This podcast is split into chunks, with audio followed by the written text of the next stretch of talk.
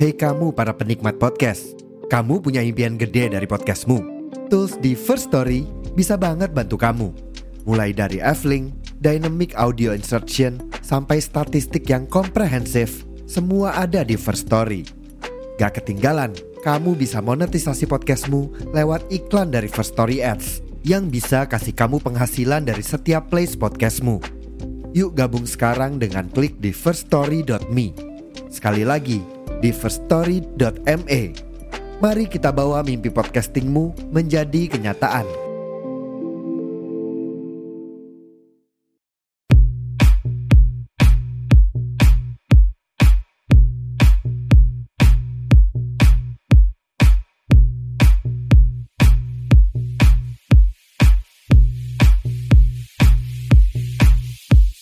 Halo, Assalamualaikum Bu Ibu cintaku. Apa kabar?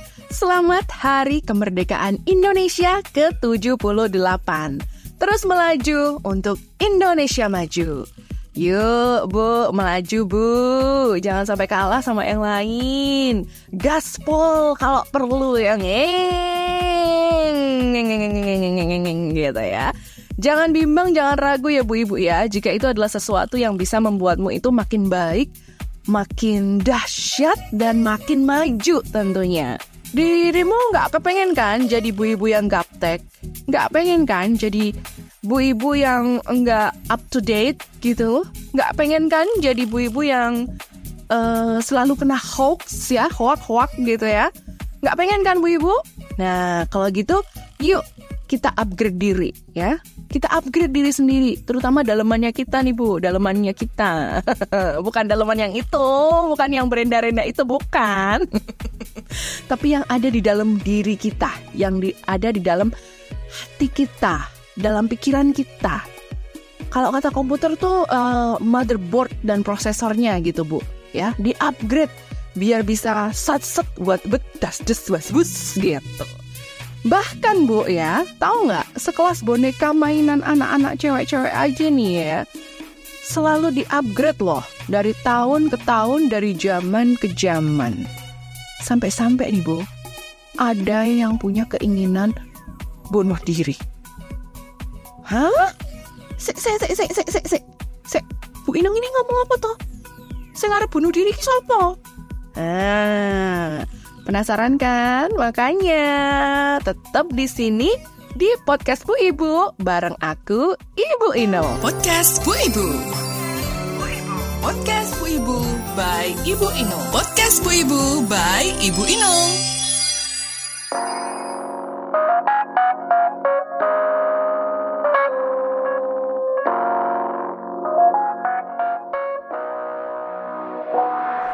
Bu Ibu, pernah nggak kepikiran kalau mainan anak-anak perempuan kita yang namanya boneka Barbie itu tiba-tiba hidup terus punya keinginan buat bunuh diri? Eh, Bu Inung nih ngomong apa toh? Mainan kok bunuh diri? Boneka kok bunuh diri? Kan itu ya wis benda mati. Masa mau bunuh diri? Bu Ibu mungkin berkata seperti itu ya, merespon seperti itu. Tapi itu ada bu, ada. Nggak percaya? Coba deh nonton film tentang boneka anak perempuan yang terkenal di seluruh penjuru universe ini. Iya, yeah. Barbie. Ya, Barbie. Belakangan ini kan dirilis ya film Barbie live action alias Barbie yang diperankan oleh aktor dan aktris betulan yang bukan merupakan film animasi. Nah, tahu nggak bu? Ada scene atau adegan yang memperlihatkan bahwa si tokoh Barbie ini tuh pengen bunuh diri. Ya dia udah bosen hidup gitu loh, memikirkan tentang kematian gitu. Wih, apa ya kira-kira? Apakah dia diselingkuhi?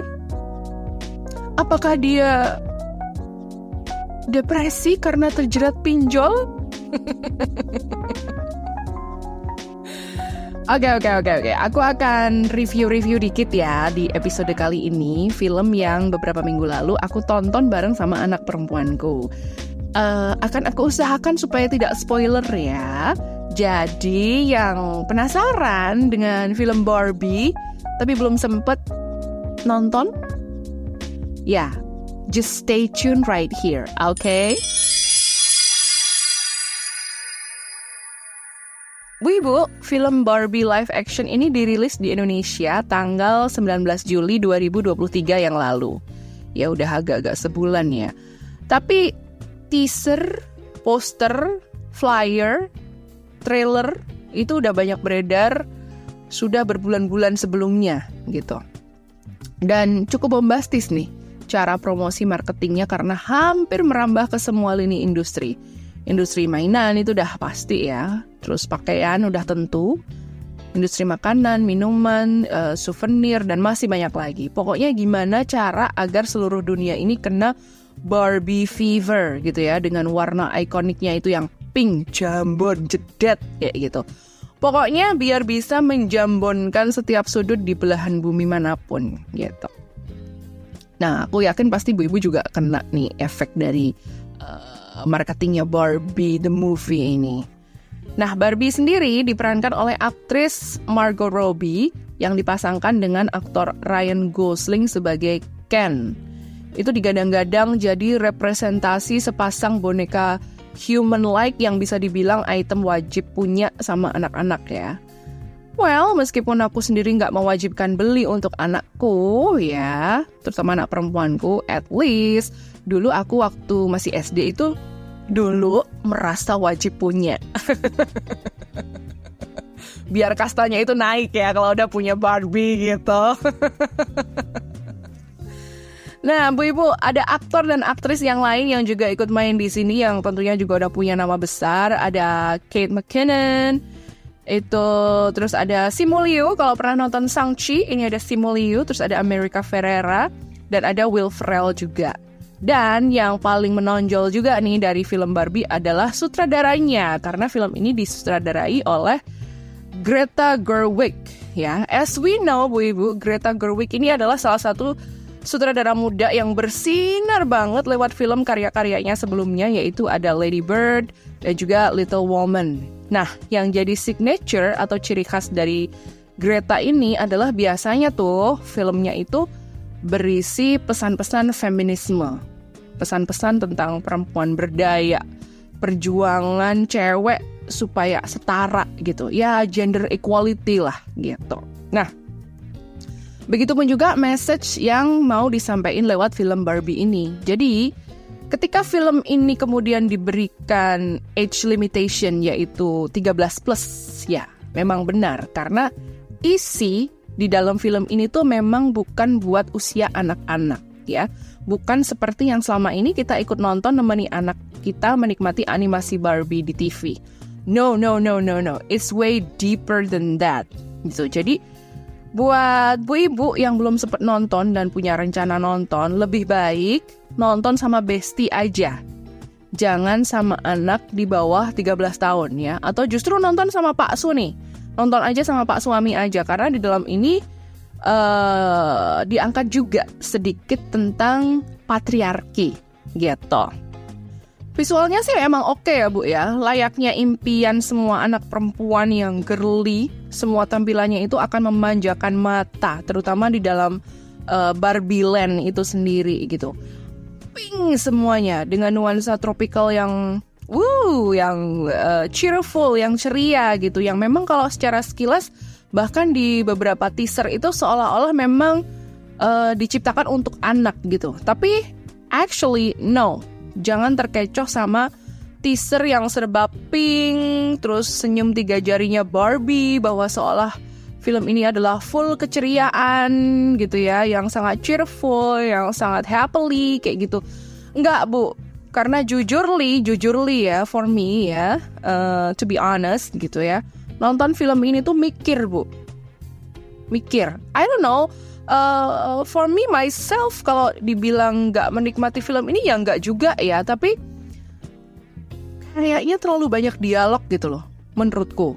Bahkan ada monolog yang panjang sekali dengan bahasa yang aduhai gitu ya dan banyak pesan-pesan di sana sini jadi harus mikir gitu ya pesannya sih bagus ya pesan moralnya tuh bagus cuma karena terlalu banyak uh, adegan ini isinya pesan moral ini, adegan ini isinya pesan moral itu, kayak gitu. Jadi kita tuh harus mikir gitu. Tapi aku nggak bermaksud nakut-nakutin uh, bu ibu ya bahwa film ini tuh dark gitu. Bukan, bukan. Ini bukan film dark, bukan.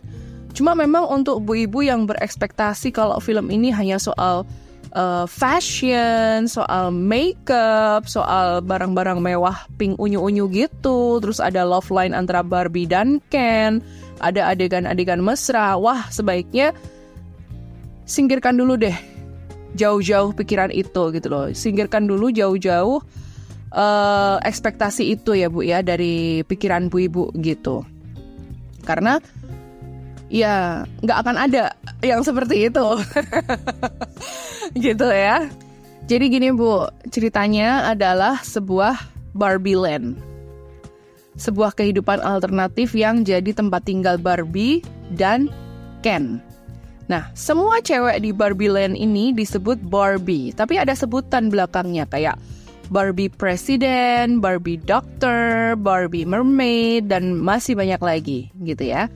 Nah, yang diperankan oleh Margot Robbie ini adalah stereotypical Barbie alias Barbie stereotip yang cantik, langsing, tinggi, seksi, blonde ya, pirang, mata biru, uh, pinky lips atau bibir merah muda dan blushy cheek gitu ya. Ya, uh, pipi yang merona gitu. Dan yang selalu digambarkan sebagai uh, sosok yang ceria dan happy gitu.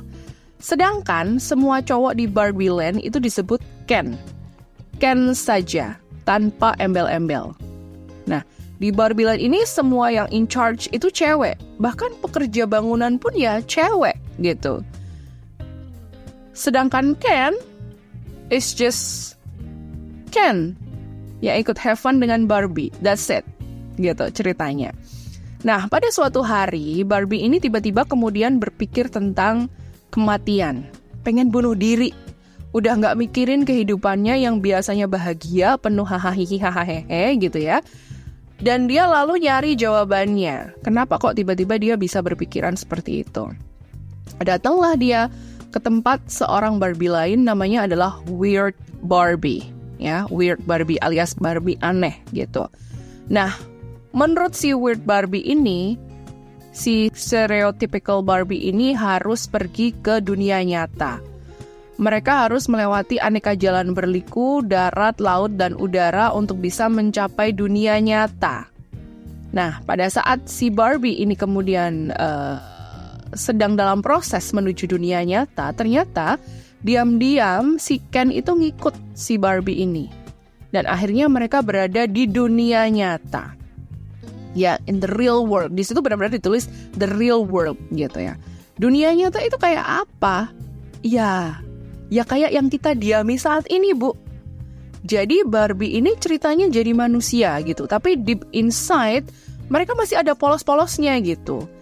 Nah, di dunia nyata ini mereka itu harus bertemu dengan CEO Mattel ya, perusahaan produsen boneka Barbie. Nah, dari sini petualangan si Barbie itu dimulai. Nah, dari sini petualangan si Barbie itu dimulai. Dia harus berusaha menemui CEO Mattel dan meyakinkan bahwa ada yang harus dirubah dari si Barbie ini. Sementara Barbie berjuang sendiri, si Ken ya, ini malah merasa menemukan dunia yang cocok sama dirinya melihat lebih banyak cowok yang berkuasa, lebih banyak cowok yang bekerja, sampai akhirnya dia nemu buku di perpustakaan tentang patriarki. Lalu setelah dia pelajari dan balik ke Barbie Land, dia kemudian mendirikan Kingdom, ya, Kingdom. Kingdom ini menggantikan Barbie Land. Ken itu merasa bahwa ini sudah saatnya patriarki itu didirikan dan dilestarikan di mana cewek-cewek atau para Barbie ini sudah sepantasnya bergantung sama Ken, berkeinginan untuk terus hidup bersama Ken, tak berdaya tanpa Ken, happy melayani Ken, dan sebagainya. Jadi gitu, konsep Kendom tuh seperti itu. Nah, Barbie itu gimana? Setuju nggak? Enggak. Dia justru merasa apa yang dilakukan Ken itu aneh, nggak masuk akal gitu loh. Akhirnya Barbie jadi kecewa nangis. Dia merasa sendiri nggak punya daya melawan Ken. Dia overthinking. Dengan keadaan Barbie yang udah segitu perfectnya, kok Ken nggak bisa sih nerima dia? Gitu. Si Ken pun juga ngerasa, kenapa Barbie yang ini nggak bisa kayak Barbie lainnya yang bertekuk lutut di hadapan Ken? Nah, ada pertentangan, ada konflik antara Ken dan Barbie di situ. Konflik antara patriarki dan feminisme di situ.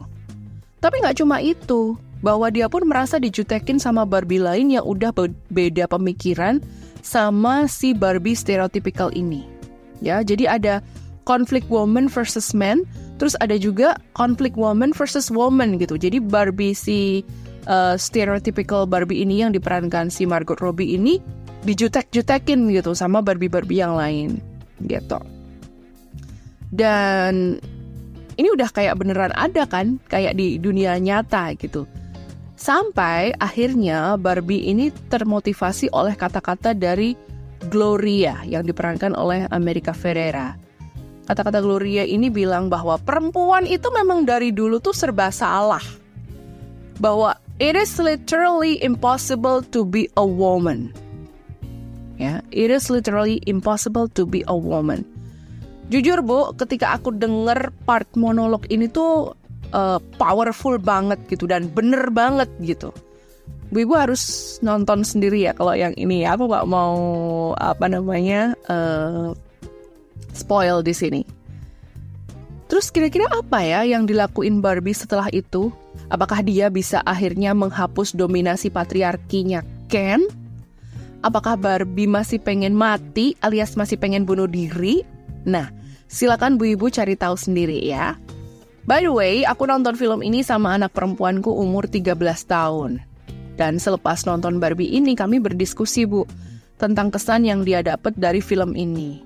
Anakku bilang bagus sih, lucu, ada komedinya. Ya, meskipun ada yang menurutku jelimet, tapi ya asik-asik aja sih. Itu kata anakku.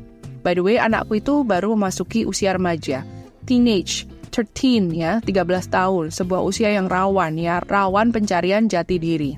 Rawan salah gaul, rawan nelan mentah-mentah info-info yang bertebaran, rawan nonton yang enggak-enggak gitu. But I'm prepared, Bu. Ya, I am prepared. Aku uh, apa ya? Aku bersiap-siap gitu loh tentang uh, usia rawan ini gitu. Salah satu alasan bahwa dia nonton Barbie karena aku yakin ada pesan yang mau disampaikan apalagi ini sutradaranya kan Greta Gerwig gitu ya. Banyak pesan yang pengen diungkapkan lewat Barbie ini seperti masalah feminisme, lalu dunia nyata yang sangat berkebalikan dengan Barbie Land yang isinya keceriaan tiada henti di mana perempuan itu punya semuanya, perempuan bisa semuanya. Bahkan mungkin sebenarnya itu juga udah tertulis di poster filmnya sendiri tapi nggak banyak orang tuh nyadar. Kalau di posternya itu tertulis, Barbie, she's everything. He's just Ken. Gitu. Bahwa memang digambarkan, literally dalam film ini, dia itu segalanya. Barbie itu segalanya. Center of the universe lah. Gitu ya. Dan Ken just Ken. Ken itu hanyalah seorang Ken seorang sideman istilahnya ya, pendamping, pengagum Barbie, that's it gitu. Nah, ketika kami berdiskusi tentang film Barbie yang udah kami tonton ini, aku pahamkan juga ke anakku beberapa scene film Barbie. Uh, terutama ketika si Barbie ini baru memasuki dunia nyata gitu, bahwa uh, seorang Barbie stereotypical yang cantik, tinggi, langsing, seksi, ceria, polos, innocent, disukai banyak orang di Barbie Land di dunia nyata itu justru jadi target empuk catcalling para pria. Memakai pakaian yang gak mainstream atau saltum jadi cibiran banyak orang gitu. Bahkan jadi korban harassment juga ketika ada uh, scene atau adegan di situ ada laki-laki nggak dikenal tiba-tiba nepok pantatnya Barbie pas lagi jalan gitu. Well, that's the reality gitu. Pesan itu yang aku pahamkan ke anakku bahwa jadi cewek itu tetap harus hati-hati. Sebaik apa pun kamu, seperfect apa pun fisikmu, selalu ada sisi jelek dari orang lain melihatmu. Ya, ada yang mengagumi, tapi ada juga yang nggak bener reaksinya. Buktinya, malah di catcalling, malah dilecehkan juga.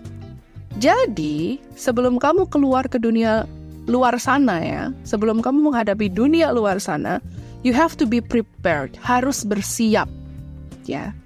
Bersiapnya bagaimana? Ya, bagaimana kita merespon seandainya itu terjadi pada kita, gitu ya. Dan bagaimana supaya kita mempersiapkan diri supaya tidak kemudian jadi fragile, jadi jatuh gitu, jadi rapuh ketika ada orang-orang yang kemudian uh, apa ya melakukan catcalling misalnya kepada kita kayak gitu.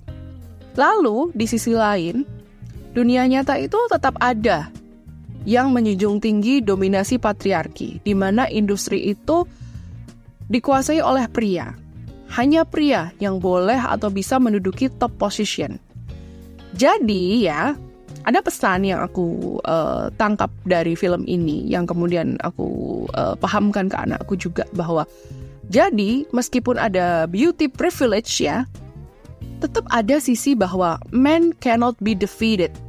Men have to be respected. Men have to be served. Masih ada bagian-bagian di dunia ini yang menganggap seperti itu.